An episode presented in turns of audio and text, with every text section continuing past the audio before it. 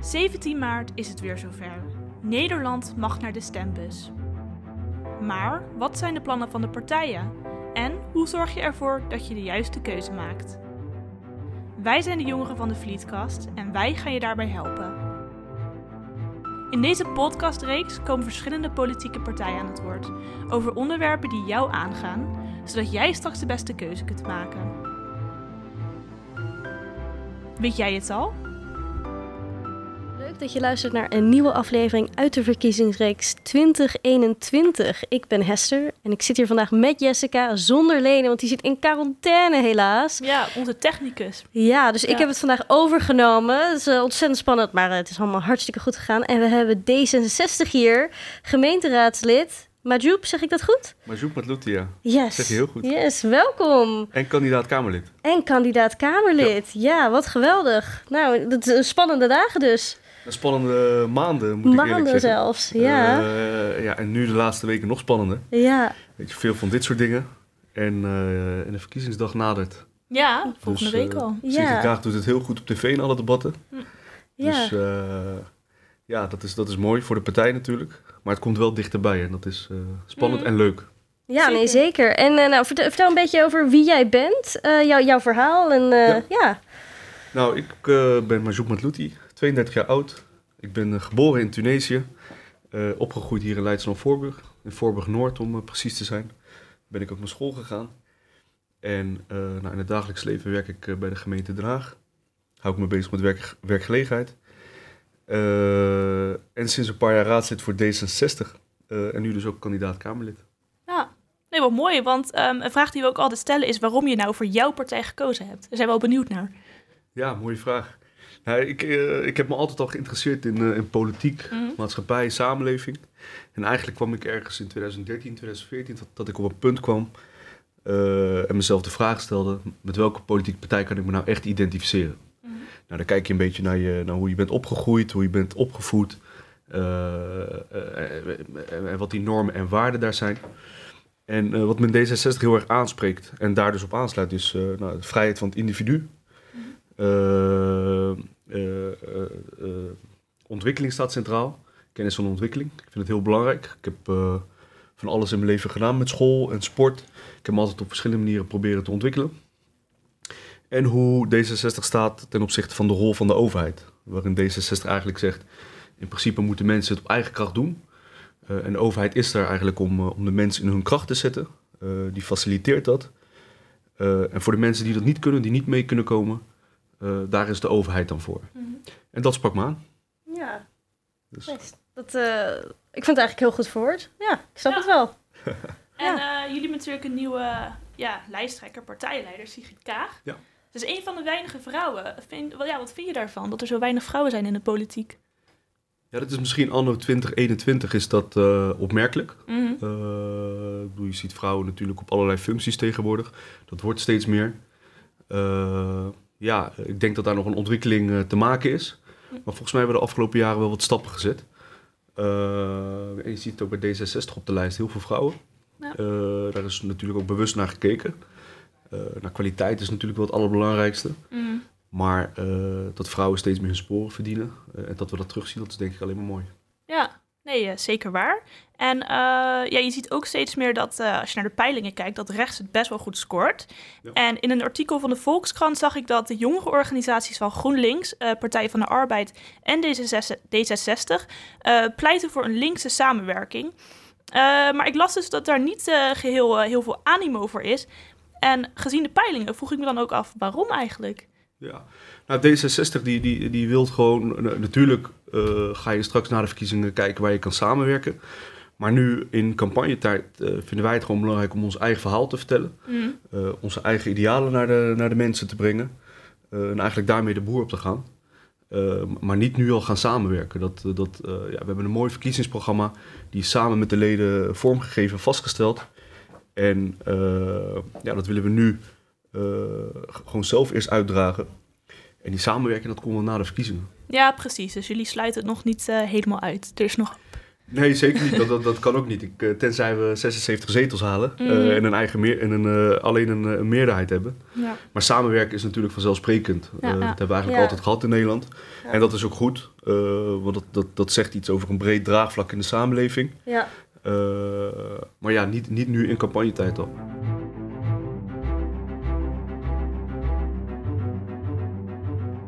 Oké, ehm, nou, we hebben dus eh, zoals elke keer, elke keer hebben we het dus weer over drie onderwerpen. Het onderwijs, wat natuurlijk voor D66 een belangrijk punt is, duurzaamheid en huisvesting. En eh, we trappen af met het onderwijs. En ik zag dat jullie eh, ja, best wel wat interessante ideeën hebben wat betreft het onderwijs. Dus daar wil ik een paar vragen over stellen. Ehm, zo las ik dat D66 brede brugklassen wil.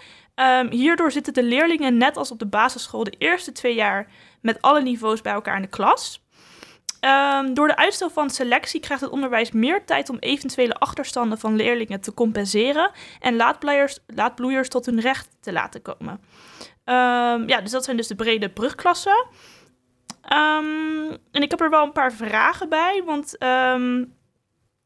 ja, hoe doe je dat dan bijvoorbeeld met leerlingen die eh, op een gegeven moment eh, dat je merkt dat die boven niveau scoren? Ehm, is dat niet heel lastig om dat in, in een klas te hebben? Kijk, je hebt natuurlijk op de basisschool, maar dan op de middelbare school, dan ja. Hoe ga je daar dan mee om als je hele grote verschillen hebt tussen de leerlingen, dat je dat soort van goed kunt, eh, ja, op een lijn kunt houden? Ja, ik, ik, kijk, leerlingen die natuurlijk bovengemiddeld bijvoorbeeld begaafd zijn, Eh, daar moet natuurlijk wel de aandacht ook op, op blijven. Dat is, het een sluit het ander niet uit. Eh, waarom we deze brede brugklasse eigenlijk willen, is eigenlijk juist om de groep die, die achterstanden ervaart en waarvoor het eigenlijk misschien te vroeg is Ja. om hem al een advies te geven, eh, wat hem eigenlijk naar de rest van zijn leven misschien niet, maar wel de beginjaren van zijn, van, van, van zijn onderwijs zeg maar, blijft achtervolgen. Eh, om hen zeg maar, zo goed mogelijk te faciliteren dat ze bepaalde achterstanden eh, wegwerken. Zeg maar. Mhm. Ja. Eh, daar is het natuurlijk, eh, natuurlijk voor. Ja, en dan, ik heb bijvoorbeeld zelf in een HAVO-VWO-brugklas gezeten. Eh, je hebt natuurlijk ook eh, bijvoorbeeld MAVO-HAVO-brugklassen. Is, is dat dan niet al voldoende om, om zie je, eh, bijvoorbeeld als we dan kijken naar ehm, onderzoeken daarover, ehm, zie je dan wel degelijk dat bijvoorbeeld een bredere brugklas, zou dat dan beter werken dan wat we nu al bijvoorbeeld hebben, dat je in één jaar de brugklas, ja, dat je dan bijvoorbeeld het een of het andere niveau op kunt gaan? Nou, het is dus niet voldoende gebleven. Oké. Want je, je gaf het in je inleiding al aan. Mhm. Eh, er zijn leerlingen die gewoon eh, die, die laat opbloeien. En eigenlijk wil je hen nog de ruimte geven om Ja. in die brede eh brugklasse nog een bepaalde ontwikkeling door te maken. Ja. Zodat ze straks op een plek komen die, die recht doet aan hun, aan hun potentie en capaciteit. Ja, natuurlijk. Ik vind het wel eh, interessant eh, om erover na te denken. Omdat je inderdaad, je hebt natuurlijk mensen die hoogbegaafd zijn, mensen die laadbloeiers zijn. Maar er moet natuurlijk aandacht zijn voor iedereen. Is het dan het idee dat er bijvoorbeeld in een klas, nou ja, ik weet eigenlijk niet hoe grote klassen tegenwoordig zijn hoor. Maar laten we zeggen eh, van 30 studenten plus, of, ja. of 30 kinderen. Ja. Dat het dan eh soort van in secties wordt gedaan. En dat, je dan, dat het wel percenteel evenwichtig blijft. En moet ik dat zo voor me zien? Nou, dat is, dat is natuurlijk afhankelijk van of je het nou hebt over, eh, eh, over de basisschool Ja, of over de middelbare school. ja, Eh, kijk, in bepaalde secties is dat natuurlijk op de basisschool wat lastiger. Maar ik kan me ook voorstellen dat er basisscholen zijn die, die, die dat wel al hebben in- ingeregeld. En, Ah, en dat, ja, en dat snap ik wel. Ja, want ik zit natuurlijk ook heel erg in mijn hoofd met naar de middelbare. Ja, kies je natuurlijk voor waar ga je naar de middelbare. Tenminste, kan ik me nog heel erg herinneren Ja, dat je ja, verschillende ja. scholen gaat, zoals je doet met de universiteit.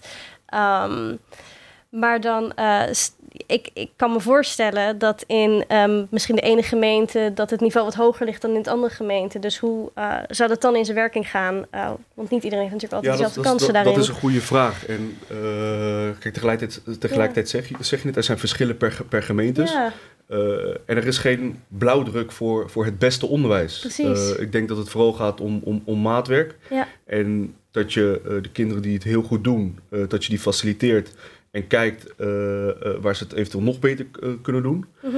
En dat we ook gewoon leerlingen hebben die, die wat meer moeite hebben of, op, of, of door allerlei oorzaken niet goed meekomen. ja. Dat je die faciliteert en ook de kansen biedt om, om het uiterste uit hun, uit hun potentie te halen, zeg maar. Ja, ja. Dus op die manier moeten we er denk ik ook naar kijken. Nee, helemaal goed. Oké, nou een, een, een ander groot probleem in Nederland, we hebben al een aantal vragen hierover gehad, is bijvoorbeeld het lerarentekort. Ja. Ja, ja en, en volgens mij weet jij daar wel wat van hoe je dat kunt oplossen. Het lerarentekort is, is natuurlijk eh, eh, een probleem eh, waar we al jaren van horen. Ook in onze gemeente. Mhm. Ik heb me daar in de gemeenteraad ook, ook druk om gemaakt. Maar voordat we op, op het lerarentekort specifiek ingaan, wil ik toch even kort stilstaan bij de kwaliteit van ons onderwijs. Hè? Mhm. En die is in de basis is die, is die gewoon goed, ook Ja. als je kijkt naar andere landen. Eh, maar die kwaliteit die komt wel steeds meer onder druk. Eh, en het lerarentekort is daar eigenlijk een van de oorzaken van. Want we zien dat het gevolg van een lerarentekort is grotere klassen. Eh, volgens mij zei je dat net al. Ja. 30 plus leerlingen in de klas, dat, dat begint steeds normaler te worden. Mhm. Maar dat heeft wel weer een rol op de kwaliteit van het onderwijs. En eigenlijk willen wij met D66 willen we ervoor zorgen dat er, dat, ja, dat er meer leraren komen. Nou, dat spreekt voor zich. Ja. En dat we eigenlijk het, het, het vak leraar zijn eh, aantrekkelijker maken. Mhm. Eh, nou, ik heb me daar in de gemeenteraad eh, ook heel druk om gemaakt. Dat is wat lastiger, omdat we met de gemeenteraad een wat eh, beperktere rol hebben ten opzichte van het onderwijs. Ja.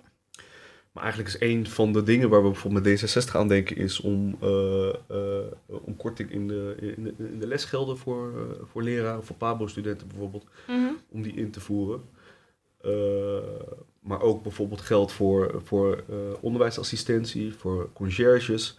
Maar ook bijvoorbeeld ruimte voor meer sport en cultuur. Mhm. Waardoor er bijvoorbeeld wel meer, meer gymleraren Ja. aangenomen kunnen worden. En de druk op die leraar zeg maar kleiner wordt.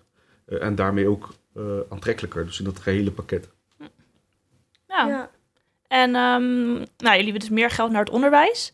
Eh, waar willen jullie dan bijvoorbeeld op bezuinigen, zodat je meer geld naar het onderwijs kunt... eh, Ja, dat is natuurlijk een vraag die heel breed gesteld is. Ja. Hè? Eh, Ja. We hebben een heel groot eh, verkiezingsprogramma. Mhm. van bijna 200 pagina's. Eh, en daar staan natuurlijk allemaal plannen in, eh, die allemaal tegen elkaar afgewogen zijn. Die zijn vorige week of twee weken geleden zijn eh, ook de doorrekeningen eh, eh, gepresenteerd door onze planbureaus. Ja, en daaruit blijkt dat het, dat het financieel verantwoord is. mhm, ja, dus dat het, dat het financieel zou kunnen. mhm. Eh, ja, en dat geld dat zijn natuurlijk belastingen hè, die we heffen. Dat is het potje van de overheid waar al deze dingen worden, van worden uitgegeven. Ja. En ehm, ik had ook eh, iets zien staan in jullie eh, verkiezingsplan over de Rijke Schooldag. Ja. Op jullie website staat het volgende. Eh, de wijk waarin je wieg staat bepaalt nu nog te vaak hoe je onderwijspad eruit gaat zien. Zo heb je rijke en armere scholen. Daarom pleit D66 voor een rijke schooldag. En ik vroeg me af, wat houdt deze rijke schooldag precies in? En hoe gaan jullie hiermee ervoor zorgen dat die ongelijkheden, eh, ja, dat je die kunt overbruggen? Ja.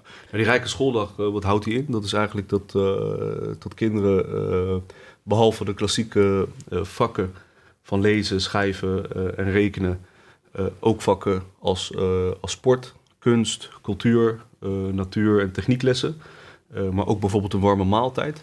Want we zien dat in bepaalde steden en in bepaalde wijken waar, waar deze vakken toch minder een rol spelen, of waar kinderen deze minder in hun vrije tijd eh, krijgen, dat dat gewoon effect heeft op, eh, ja, op hun, op hun eh, capaciteit. Mhm.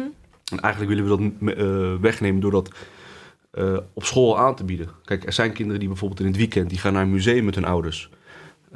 Die steken daar wat van op. Die ontwikkelen zich wat breder eh, dan alleen dan hetgeen wat ze op school krijgen. Mhm. Voor heel veel kinderen is dat natuurlijk eh, niet vanzelfsprekend. En dat betekent ook dat ze zich op die vlakken minder, eh, minder ontwikkelen. Ja. En daarmee het ook aannemelijk is, en dat hebben we ook gezien in het verleden, eh, dat de kansen gewoon afnemen. Ja. En dat willen we eigenlijk daarmee willen we dat, willen we dat corrigeren. Oké, dus jullie willen eigenlijk meer activiteiten die misschien voor wat ja, eh, kinderen met minder rijke ouders, die, ja, zo, ik kom even niet aan woord hoor. Jullie willen dus de activiteiten die voor wat armere kinderen minder bereikbaar zijn, die willen Ja. jullie eigenlijk naar de school toe halen. Naar de school toe halen. Ja. En behalve die activiteiten ook, eh, ook ik, ik noemde de warme maaltijd. Mhm. Eh, en er zijn gewoon kinderen in Nederland die, die, die bijvoorbeeld niet ontbijten. Die moeten Hm. kiezen tussen, tussen een lunch of een ontbijt.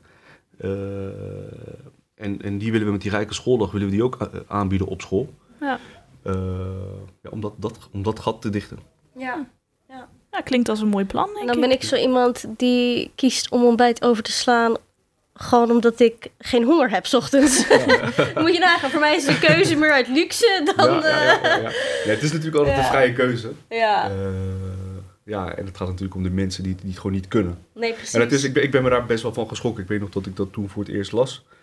Eh, toen in aanloop naar, naar, eh, naar dit programma. Ja. Ik dacht, dat, dat zal toch niet in Nederland. Maar eh, niks is minder waar. Nee, nee, ik geloof het ook wel. Ja. En ook vooral omdat natuurlijk eten, met, met vegetarisch, veganistisch eten en zo, dat is natuurlijk ook allemaal nog steeds zo duur. Vlees eten is ook zo duur. Dus je, Ja. je gaat heel snel naar de goedkopere opties toe. Ja, precies. precies. En Maar, dit, dan, ja, maar, maar er zijn dus mensen die echt moeten kiezen zelfs. Ja.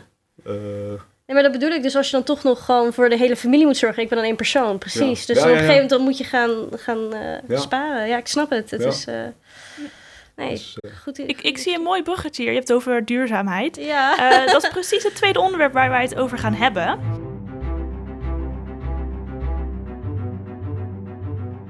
Eh, er zijn meerdere manieren om die klimaatdoelen te behalen.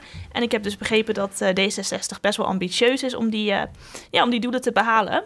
En ik vroeg me af, hoe willen jullie dat doen? Wil je bijvoorbeeld kernenergie gebruiken? eh, zonne-energie, windenergie? zijn heel veel manieren. Hoe willen jullie dat gaan ja. doen? Eh, er zijn zeker heel veel manieren.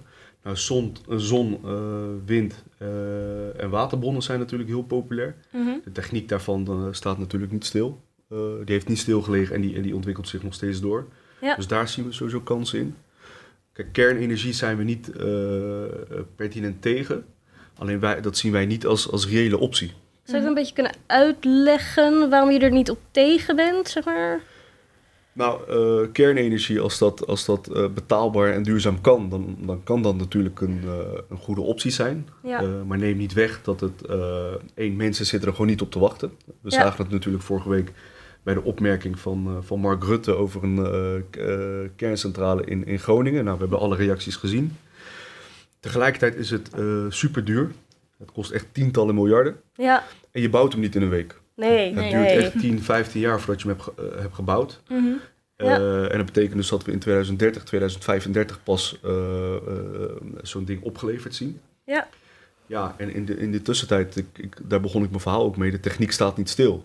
Eh, Zon, wind en, en waterbronnen, die worden zo goed doorontwikkeld, is de verwachting, eh, dat we gewoon aan, aan de vraag eh, kunnen voldoen. Verder ook, eh, wat ik zei, ja, draagvlak eh, is er niet eh, voor kernenergie. En dat is ook wel te begrijpen. Eh, kijk, er zijn weinig ongelukken met kerncentrales. Maar als er een ongeluk gebeurt, dan is eh, half Nederland weg. Eh, dan hebben we een soort van Fukushima. Mhm. Ja, precies. En eh, ja, dat, dat, dat wil je gewoon niet hebben. Los daarvan, eh, ook het kernafval, daar hebben we ook gewoon geen oplossing voor. Eh, dat wordt nu tientallen meters onder de grond opgeborgen. Mhm. Maar eigenlijk eh, is dat gewoon het probleem eh, verschuiven naar, naar, naar, naar nieuwe generaties. Ja. En ja, dus dat weegt gewoon niet op tegen de, tegen, tegen de alternatieven die we nu al hebben, die we door Ja. kunnen ontwikkelen. Dus ja, zodoende. En nog een ander belangrijk feit, misschien ook wel goed om te weten. Het kan al, kernenergie kan al. Mhm. Eh, daar kunnen eh, commerciële bedrijven kunnen daar gewoon een vergunning voor aanvragen, al volgens mij een jaar of tien. Maar dat gebeurt niet. Dat gebeurt niet. Dus, Dus, dus er is geen animo, denk je? Er is geen animo. eh, Nee, dat, dat, dat blijkt. Oké, Dat blijkt. ja. En hoe sta je zelf tegenover duurzaamheid? Ben je ermee bezig in het dagelijks leven? Ja, ik, ik eh, ben er zeker mee bezig. eh, met huis isoleren, Mhm. eh, toch afval scheiden. en minder plastic bekers gebruiken. Of eigenlijk helemaal geen plastic bekertjes gebruiken. Ja. Dat soort dingen. Toch wat minder vaak de verwarming aan als dat, als dat niet nodig is. Ja, op die manier. Ik kijk toch, ik heb nu een half jaar een nieuwe auto. Dan kijk je toch naar, oké, hoe zuinig is die? Wat is de uitstoot? Dus eh, ik probeer er wel op die manier naar te kijken. Ja, dus je hebt echt je besluit genomen met welke auto je wilt nemen, ook met eh, duurzaamheid in gedachten. Ja, dat heeft wel een rol gespeeld, ja. Ja. En eh, ik heb nog geen elektrische auto. Nee. Ja, die drempel vind ik nog te groot, want ze zijn nog, nog best prijzig. Ze zijn ontzettend prijzig. Ja, maar dat, dat komt. ook daar staat de techniek niet stil. Hè? Ik bedoel, elektrische auto's zijn de afgelopen jaren zijn natuurlijk al wel minder duur geworden. En ik denk, ja, hoe meer automerken zeg maar, zich eh, gaan toespitsen op, op elektrisch rijden, dat Ja. zien we gelukkig al, eh, wordt je keuze straks ook wat makkelijker. Ja, nee, want dat is natuurlijk ook zo. Of je hebt, eh, ik had het hier laatst met mijn broer toevallig over, want hij is echt van de auto's, van de snelle wagens, weet je wel, die er Ja. mooi sleek uitzien. Dat een meisje denkt, ah, nice. Ja, ja, ja. En eh, ik rijd dan echt in een hybride wagentje, Toyota Yaris. En hij zegt, nou, daar kan je mij niet in zien rijden. Dus ik, nog niet. Ik denk dat hij daar later wel op terugkomt. Nee, nee, maar precies. Maar wat hij zei is van een Tesla, dat zou ik nog wel doen. Want het ziet er ook precies. super gaaf uit. Maar het is dus of je geeft heel veel geld uit voor zo'n super gaaf auto, want hij is elektrisch. Of je moet dan een soort van je, je ego dan bij hem naar beneden halen om het ook te moeten doen. Ja, precies. en eh, ja. Ja, maar je ziet, je ziet, ik ben ook wel een autoliefhebber. En je ziet nu dat, dat eh, nou, de auto's waar ik een beetje van hou, de, Ja. de Audi bijvoorbeeld, Ja. dat die ook allemaal steeds meer elektrisch Ja. gaan. Mhm. Dus, dus voor de echte klassieke autoliefhebber Ja. eh, ja, komt elektrisch rijden ook steeds dichterbij. en ik denk, kijk, het is nu, is het nog echt een keuze die mensen moeten maken. Maar ik denk dat in de toekomst dat, het, dat we sowieso allemaal elektrisch gaan rijden. Ja. Willen jullie dat als D66 dan ook stimuleren? Dat het voor de burger makkelijker wordt om eh, elektrisch te kunnen rijden? Zeker, zeker. We hebben daar zelfs, eh, mijn collega die heeft eh, zich ook uitgesproken over het aantal laadpalen bijvoorbeeld in deze gemeente. Dat we gewoon echt wel achterlopen op, eh, op het gemiddelde in andere steden. Mhm. Eh, dus we proberen daar op die manier ook wel mensen in te faciliteren eh, eh, en te stimuleren om, eh, om ook op die manier met duurzaamheid bezig te zijn. Ja, en bijvoorbeeld eh, de snelheid op de snelwegen. Eh, zijn jullie, bijvoorbeeld ChristenUnie zegt volgens mij, eh, hadden we laatst in de uitzending, die zei, we willen eigenlijk gewoon de hele dag, 24 uur lang, willen we eh, dat je 100 km per uur kunt rijden. Ja. Eh, is, is het een idee om dat dan ook nog zelfs s'nachts te laten gelden? Hoe staat Eh, D66 daar tegenover? Ja, ook, ook dat is eh, natuurlijk een vraag die, die breed, eh, ja, die- eigenlijk best wel breed gesteld wordt. Kijk, eh, het is bewezen dat als we langzamer rijden, dat de stikstofuitstoot eh, uitstoot minder is. Mhm. En volgens mij moet je kijken naar de totale stikstofuitstoot. voordat je kan zeggen of dat 24-7 moet, of dat het alleen tussen, tussen eh 7 en 7 overdag moet zijn. Kijk, als straks blijkt dat, eh, dat we zoveel uitstoten, dat we bepaalde keuzes moeten maken, en dit is er één van, Mhm. ja, dan moet dat. Eh, kijk, eh, ik zei het net, ik ben zelf ook autoliefhebber. Ik rij ook het liefst 120, 130. Eh, ja, maar als dat niet kan, eh, en we moeten 100 rijden, omdat eh, de uitstoot dat van ons vraagt, ja, dan moet dat. En dan moeten we natuurlijk, en dan moeten we die keuzes daarin, daarin maken. Kijk, het is heel vervelend voor mensen. Eh, Bijvoorbeeld als jij van Groningen naar Utrecht moet rijden en jij moet 100 rijden in plaats van 130. Eh, tegelijkertijd, de tijdswinst is ook niet zo groot. Dus eh, ik denk ook dat het een kwestie van wennen is, eh, dat we 100 rijden. Ik denk dat dat het heel erg is, dus wenning. Want ik, her- ik herken het heel erg bij mezelf. Dat zodra ik inderdaad op die lange wegen zit, dat ik meteen al mijn voet soort van zwaarder wordt. Zo van, Ja. we kunnen toch lekker snel gaan. En dan denk ik, oh nee, mag niet. Ja, mag Weet je, dat je echt, precies. zeg maar, je moet jezelf constant corrigeren. we moeten hier blijven. Ja. Maar tegelijkertijd is het, ook, is het ook een kwestie van wennen, heb ik gemerkt. Want ik weet nog ongeveer een jaar geleden toen de maatregel inging overdag. Ja? Dat ik dacht, nou, dit, dit dit is best wel vervelend. Maar uiteindelijk wen je eraan. En is Ja. het ook nog best wel lekker rijden ook. Ja, ja. Dus Nee, eh, eh, Nee, precies. Het is eh, een kwestie van wennen, denk ik ook.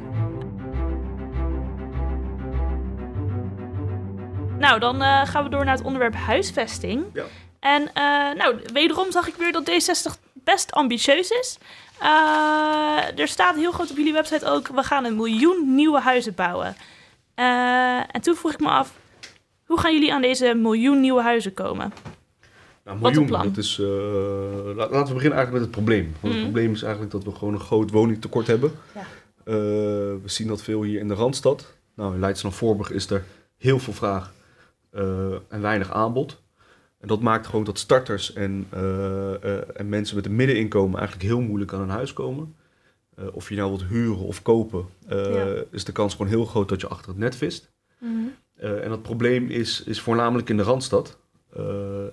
En eh, de- zoals ik zei, de- de- dat komt eigenlijk gewoon doordat, doordat het aanbod gewoon te laag is. En daarom heeft D66 de ambitie uitgesproken om duizend of 1 miljoen eh, woningen miljoen, te ja. bouwen tot 2030. En dat klinkt als heel veel, maar Mhm. dat, dat komt neer op 100.000 woningen per jaar. En eigenlijk is dat best wel realistisch. Eh, we hebben gezien dat in 2000 2019 eh, zijn er 84.000 eh, woningen gebouwd. Eh, en in 2020 iets van 79.000 in een jaar. En ik denk als we daar een schepje bovenop eh, doen, eh, dat we nog best makkelijk, nou best makkelijk, eh, dat die 100.000 eh, te- halen is. Ook Ja. nu met de nadruk, of de, zeg maar tot, met, de, met de urgentie, dat gewoon heel veel mensen eh, niet aan een huis kunnen komen. Ja, en dan, Eh, bij mij komt dan heel erg de vraag naar boven, eh, wat voor woningen, voor wie? Eh, iedereen heeft ze natuurlijk nodig, studenten. eh, Ja. Dus hoe... eh, Nou, we zien, we zien eh, wat, wat ik zei, we zien heel erg veel eh, tekort aan starterswoningen Ja. en woningen in het middensegment. ja, Eh, daar is gewoon de grootste vraag naar. ja, Eh, en eh, ja, dat zal ook gewoon een heel groot deel van die, van die opgave zijn. oké. En eh, ja, En dan als we bijvoorbeeld weer kijken naar jullie ambitieuze eh, eh, milieubeleid. Ehm, eh, even kijken wat ik er nou staan. Dat even kwijt. Ja, het is een beetje de vraag van Eh, natuurlijk waar komen deze woningen? Want ja. het is natuurlijk toch ook met de natuur en het stikstofbeleid. Het, het moet wel gebouwd worden. Ja, nou jullie willen natuurlijk een, die reductie van 60%. Jullie willen de veestapel halveren. En eh, toen dacht ik van, nou ja, botst dit dan niet, zeg maar, jullie willen een miljoen nieuwe huizen. Botst dit niet met het idee, eh, ja, voor meer natuur en... ehm nou, botst dit niet met, met jullie stikstofbeleid? Ehm, dat jullie meer huizen willen bouwen? Waar gaan die huizen dan komen? Kan dat? Nou, dat, dat is een hele goede vraag. Eh, kijk, ook daarin moet je, moet je zeg maar in samenhang van al die dingen, dus woningbouw, eh, eh, milieu, duurzaamheid, moet je eigenlijk daar besluiten in nemen. En daarom pleiten we eigenlijk ook voor een, voor, voor een minister en een ministerie van woningbouw, ruimtelijke ordening en milieu. Omdat die juist zo'n besluit, zeg maar, in samenhang kan nemen. Omdat hij, Mm. omdat hij eigenlijk naar al die facetten kijkt van oké, als ik hier wil bouwen, wat voor effect heeft dat op stikstof en op milieu? Eh, maar ook op het gebied van ruimtelijke ordening. Eh, nu zijn geme- gemeenten en provincies over het algemeen aangewezen om, eh, om die locaties zeg maar, te bepalen. Ja, en eigenlijk kan zo'n ministerie kan dus weer integraal Mhm. kan daarop ondersteunen. Dus eigenlijk op die manier. Oké. Ja, En dus- voorheen, voorheen deed de landen- was de landelijke overheid natuurlijk ook verantwoordelijk voor de, ja. voor de volkshuisvesting. Eh, en eigenlijk zien we nu met de uitdagingen die er liggen Mhm. eh, op het gebied van, van natuur en milieu. eh, en de grote vraag die niet, die, die, die niet ingevuld kan worden op woningbouw. dat we dat weer daar moeten, be- moeten beleggen. ja, dus meer op landelijk niveau, zeg maar. Ja, Oké, Eh, nee, duidelijk.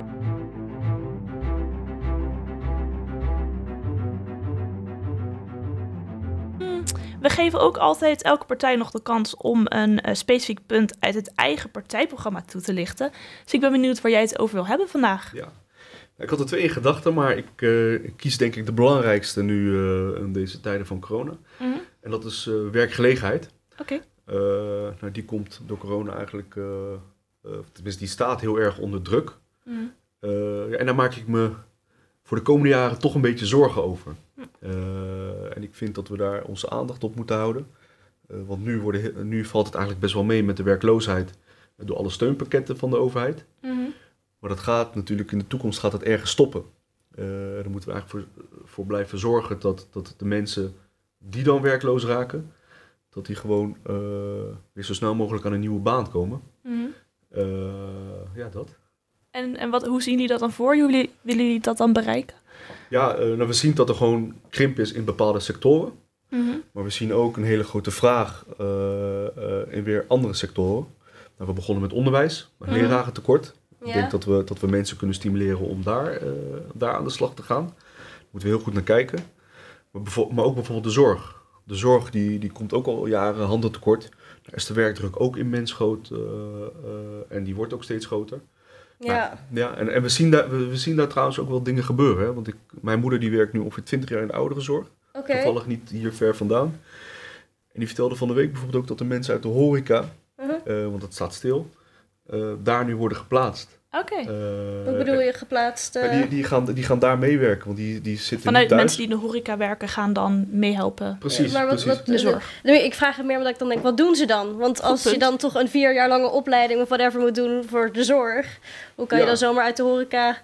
Ja, eh, nou, dat- over. Dat, dat, dat, dat- dat merk je goed op. Hè? Eh, kijk, in sommige, eh, in sommige sectoren zou je misschien eh, makkelijk in kunnen stromen. Ja, We hebben natuurlijk een paar maanden geleden waren er K- eh, KLM-stewardessen, ja, toen alles stil stond. Die gingen ook werken in de zorg. Toen dacht ik, ja, maar dat is toch een hele grote stap. ja. En toen, eh, eh, toen werd dat ook in die reportage uitgelegd. Eh, ja, nou, ze, ze- weten zelf heel veel af van hospitality en, en, en zorgzaam zijn en met mensen omgaan. Dus, die, dus die, dat verschil is niet zo heel groot. Kijk, dat geldt natuurlijk niet voor alle sectoren. Er zijn ook sectoren waar je gewoon echt specifieke kennis op moet doen. Ja, kijk, en dan moeten we omscholen. Dan moeten we kijken of eh, ja, welke rol eh, de overheid of eh, denk dan aan gemeenten, Mhm. bijvoorbeeld hoe ze aan die omscholing kunnen werken. En niet alleen gemeenten, want ook werkgevers kunnen daar een rol in hebben. Ik sprak zelf bijvoorbeeld in het kader van mijn eigen werk, sprak ik iemand die zonnepanelen bouwt. Mhm. En, die zei, en, daar- en toen, zei, toen stelde ik eigenlijk ook dezelfde vraag. Ja, maar daar heb je toch best wel specifieke kennis voor nodig. Die zei, en die zei toen tegen mij, nee maar Joep, geef mij iemand die het fijn vindt om met zijn handen te werken. Hm. En ik leer hem binnen zes maanden eh, zonnepanelen maken of plaatsen. Dus ik denk dat we creatiever eh, daarnaar moeten kijken. Natuurlijk moeten we wel opletten dat nog steeds eh, goede mensen worden opgeleid. Mhm. Maar ik denk dat de overheid daar een rol in kan spelen. Ja. Uh, maar ook, ook, ook creatieve ondernemers die, uh, die weten, hoe, ze, die weten wat, wat, hoe, hoe hun product eruit ziet. En hoe ze mensen daarin kunnen, kunnen, kunnen ontwikkelen of opleiden. Ja, want ik heb dan wel heel erg dat... Uh, dat komt dan nu in mijn hoofd op. Is van oké, okay, dan willen we meer mensen hebben in de zorg. En dan wordt natuurlijk al heel veel geld gegeven aan de zorg. Ja. Um, moet er dan nog meer geld naar de zorg? Want al die mensen moeten natuurlijk ook betaald worden als ze daar gaan werken. Dat is dan uh, mijn vraag. Ja, ja. Hoe, hoe gaan we dat doen? Ja, ik, uh, dat is een lastige vraag ja. om te beantwoorden, omdat ik niet weet zeg maar, hoe, uh, hoe ja, of zorginstellingen dat wel of niet kunnen betalen. Ik ja. Dat is een vraag. Ze stellen een vacature natuurlijk ja. beschikbaar en die hebben natuurlijk nagedacht over, over, ja, over, de, over, over de salaris, over het betalen van de salarissen natuurlijk. Ja, nee, maar er gaat gewoon, al, maar je zei het al, er gaat al een hele, er gaan al heel veel miljarden hè, naar de ja, zorg. ontzettend veel. Ja, dus... Nee, het is de, vandaar dat ik hem vanaf, omdat ik dan denk er is werktekort. En ik neem aan dat straks dan wordt het waarschijnlijk nog wel meer. Want ja, op een gegeven moment het geld loopt gewoon uit als er geen inkomsten zijn bij heel veel bedrijven. Ja, al die mensen die moeten werk gaan zoeken. Maar dan moet. Ja, het, ik, het kan me voorstellen dat al die ziekenhuizen en zorginstellingen het willen aanbieden, maar op een gegeven moment kunnen ze ook gewoon niet ja. verder uh, nee, maar de, alsnog. Ja, maar precies, maar ook, ja. ook, ook, de landelijke overheid die, die uh, kijk D66 zegt bijvoorbeeld, uh, voor, die heeft dat echt in een verkiezingsprogramma staan natuurlijk omscholing. Ja. En die stelt er ook wel geld voor beschikbaar. Okay. alleen hoe dat dan uiteindelijk concreet wordt, wordt ingevuld, ja, dat is dan de vraag. Dat is, nog, de, dat is straks een uitvoeringsvraag. Ja. Uh, maar ja, dat, de, de, de, natuurlijk. Natuurlijk komt daar geld voor vrij. Ja. Alleen hoe die verdeling is en, en wat de verdeling uh, en wat dan de rol van, van, uh, van de zorg zelf is. Ja. Ja, dat is, dat, dat, dat is nu lastig te zeggen. Nee, precies. Nee. Ik, vind, ik vind het interessant om over na te denken. Dat ja. is het. Uh, en ook op het gebied van werkgelegenheid. Ik bedoel, uh, jongeren. Dit is natuurlijk een jongere uh, podcast. Ja. Jong, jongere podcast. Ja, ja. ja. Kijk, heel veel jongeren werken natuurlijk in de detailhandel en in de horeca. Ja, daar, ik, naast, ja. naast hun studie. Ja, die zijn het hardst geraakt, las ik. Die zijn het hardst geraakt, ja. die zijn stil. Die, die, die, staan stil. En daar maak ik me wel een beetje zorgen om. Uh, dat kijk, ik doe een bijbaantje is natuurlijk enerzijds gewoon geld verdienen. Dat is, dat is uh, een zakcentje verdienen. Ja, maar soms ook wel een belangrijke inkomstenbron naast je studie, denk nou, ik. Dat, uh, ja. ook voor een aantal mensen ook. Dus ja. goed dat je dat aanvult. Maar wat ook een belangrijk aspect is van een bijbaantje, is je ontwikkeling. Mm. En dat geldt natuurlijk voor een bijbaantje, maar ook voor een stageplek. Uh, is dat je natuurlijk op je werk dat je je ontwikkelt. Ik bedoel, wij Mhm. zitten hier, ik bedoel, jullie uh, doen ook natuurlijk je vaardigheden op het gebied van interviewen en, en communicatief en, uh, en alles. nou, en voor heel veel jongeren is dat, is, dat, ja, is dat al een jaar is dat er niet. Dus die ontwikkelen zich niet op, op een bepaalde manier. Stageplekken die niet, die niet doorgaan, omdat bedrijven gewoon stilstaan. En ja, ik zie daar ook wel een, een, een, een, gat ontstaan, zeg maar. Uh, mm. Waar we natuurlijk uh, ja, wel aandacht op moeten houden. Ja, ja want, want hoe kan je dat bijvoorbeeld... Er zijn inderdaad minder stages. Um, vooral ook in coronatijd, denk ik. Um, uh, denk je dat dat zich vanzelf oplost als corona minder is? Of is dat een aanhoudend probleem dat er niet genoeg stageplekken zijn? Nou, het, het, was voor heel veel jongeren natuurlijk, was het al natuurlijk heel lastig om, om een stageplek te vinden. Uh, kijk, het, het, hangt natuurlijk af van hoe bedrijven straks uh, corona doorkomen natuurlijk. Mm, Ik bedoel, ja. als jij krimpt in je medewerkers, uh, of tenminste in je, in, je, in, je, in je afzet, dat betekent dat je ook minder medewerkers kan hebben. dat is natuurlijk nog even koffiedik kijken, maar dat kan best wel een reëel gevolg zijn. Uh, kijk, dat, dat zou een stagiair zou natuurlijk ook een oplossing kunnen zijn. Die kost minder en uh, ja, daar zou je dan misschien wel ruimte voor kunnen hebben. Ja. Maar als je daar ook geen plek voor hebt, ja, dan, dan wordt dat lastig. Ja. Maar uh, ik vond het wel heel mooi. Vorige week de, de, voor, de, de voorzitters van MKB Nederland en VNO-NCW, die deden ook heel duidelijk de oproep aan ondernemers om, om daar ook verantwoordelijkheid in te pakken. en om in ieder geval stageplekken om daar goed over na te denken en wel uh, deze, uh, deze te blijven creëren, zeg maar. Omdat het gewoon belangrijk is mm. uh, dat er geen gat ontstaat tussen het onderwijs ja. en uiteindelijk het, het echte werkleven, zeg maar. Ja. dat, dat jongeren zich wel blijven ontwikkelen. Ja, dus niet, het is niet alleen de verantwoordelijk van de overheid, zeg je dan, maar ook eigenlijk van de samenleving. Dat we ook verzorgen dat we de jongeren de kans bieden om stage te lopen, om opgenomen te worden in de maatschappij. Zeker weten. Ja, dus het is een beetje een samenwerking die ja, zeker weten, is. Zeker weten. En dat is, kijk, dit is gewoon een, een hele moeilijke tijd, hè? Mm, voor iedereen. En uh, we zeggen natuurlijk, uh, we moeten het samen doen. Uh, maar ook, ja, ook op dit soort punten. Ja. Nee, zeker. Um, nou, we hebben dus over je partijprogramma gehad. waar kunnen jongeren meer vinden over jullie programma? Uh, ze mogen in ieder geval, uh, bij D66 mag je altijd contact uh, opnemen met ons. Mm -hmm. Altijd wel leuk om met jongeren in gesprek te zijn. ja, en de website natuurlijk. Hè? Ja? de website, ja, er staat een heel uitgebreid programma. als je doorklikt kan je zelfs op onderwerpen kan je, ja, ja, uitgebreide informatie vinden. Ik zei het al, onze onderwijsvisie. We hebben natuurlijk een onderwijsparagraaf in, onze, in ons verkiezingsprogramma. Ja. Maar we hebben ook een hele mooie onderwijsvisie die heel uitgebreid is.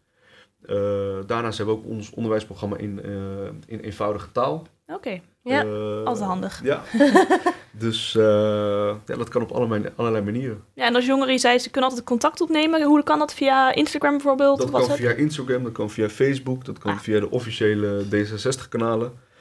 Uh, ik vind het altijd leuk om met jongeren in gesprek te gaan. Ik vind het leuk om ze te, te betrekken. Mm -hmm. ja. En ik wil ook de oproep doen dat als, als jongeren uh, uh, ja, met, een, met, een, met een, goed idee zit, een goed idee hebben, of als ze ergens pro problemen zien waar ze, waar ze denken: hé, hey, dat kan veel beter, mm -hmm. neem vooral contact met ons op.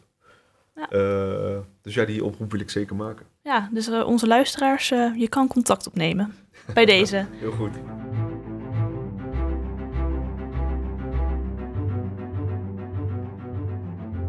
Um, we hebben ook altijd nog een tip van de week. Uh, die mag Hester deze keer stellen. Tip van de week. Tip van de week.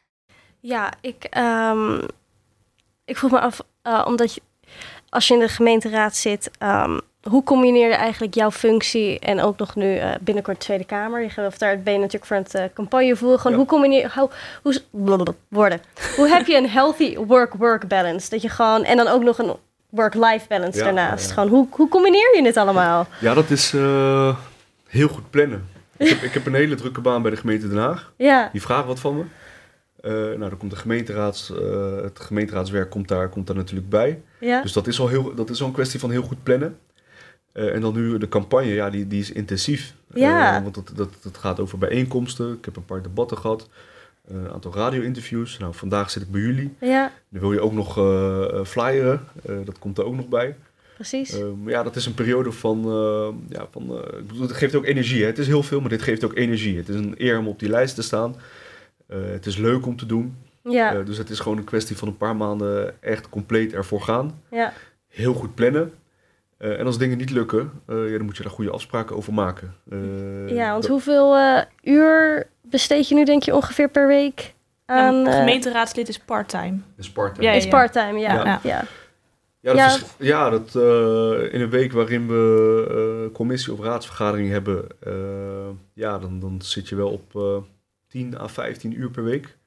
Ja. Naast je 40 uur werkweek, die soms iets meer is dan 40 uur. En dan ook nog campagne een beetje. En ook nog campagne erbij. Ja, dat zijn uh, korte nachten. Ja, nee, precies. Nee, daarom dacht ik, dan ben je ja. toch al wel, je bent al in ieder geval 60 uur bezig gewoon met, Klopt. nou ja, Klopt. dat. Maar ik moet zeggen, bijvoorbeeld, kijk, je werk. Ja, ik wil niet zeggen dat je het op de automatische piloot doet, maar dat is, weet je, dat is, uh, dat is je basis. Ik bedoel, Ja. dat, dat doe je met, dat kost je minder energie.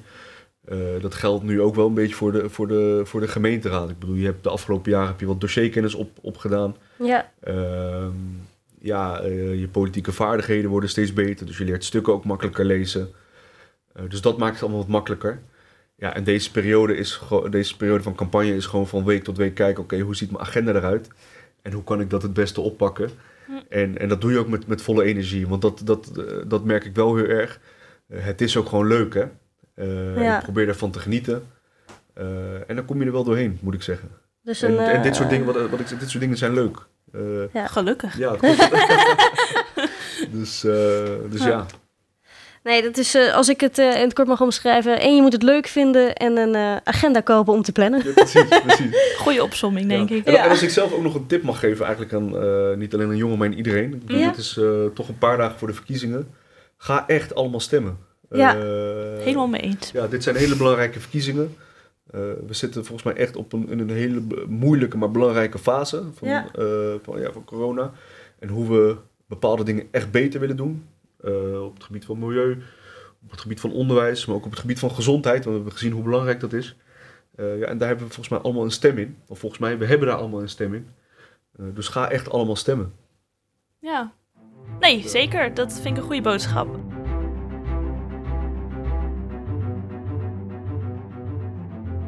Nou, we hebben altijd nog één laatste vraag. En dat is... Hoe zou je jouw partij in één zin omschrijven? We hebben een hele mooie slogan. Eh, laat, laat iedereen vrij, maar niemand vallen. Ik vind echt dat die heel mooi D66 eh, dekt.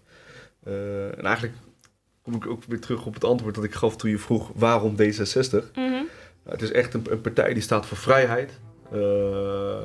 ja, zelfontplooiing van mensen. Ja. Eh, dat, dat mensen in hun kracht zetten. En de mensen die, die, eh, ja, die niet mee kunnen komen, die laat je niet vallen. Dus eh, vrijheid van het individu, kennis en ontwikkeling. Mhm. En, die mensen die, de, en de mensen die niet mee kunnen, die, eh, die kunnen rekenen op, eh, op, op een sterke overheid. Ja. Nou, ik denk dat die zo wel duidelijk is eh, waar D66 voor staat. Ja. Ehm, nou, dan wil ik je heel erg bedanken voor je komst. Eh, ik hoop dat je nog een beetje vrije tijd hebt naast deze hectische periode. En eh, ja. nou heel veel succes. En Dankjewel. Eh, bedankt voor de uitnodiging. ja, geen probleem. Natuurlijk. En iedereen wederom bedankt voor het luisteren. Dit was de één na laatste aflevering. Dus eh, Ga stemmen. ja, ga Stem stemmen. Doei doei! See you.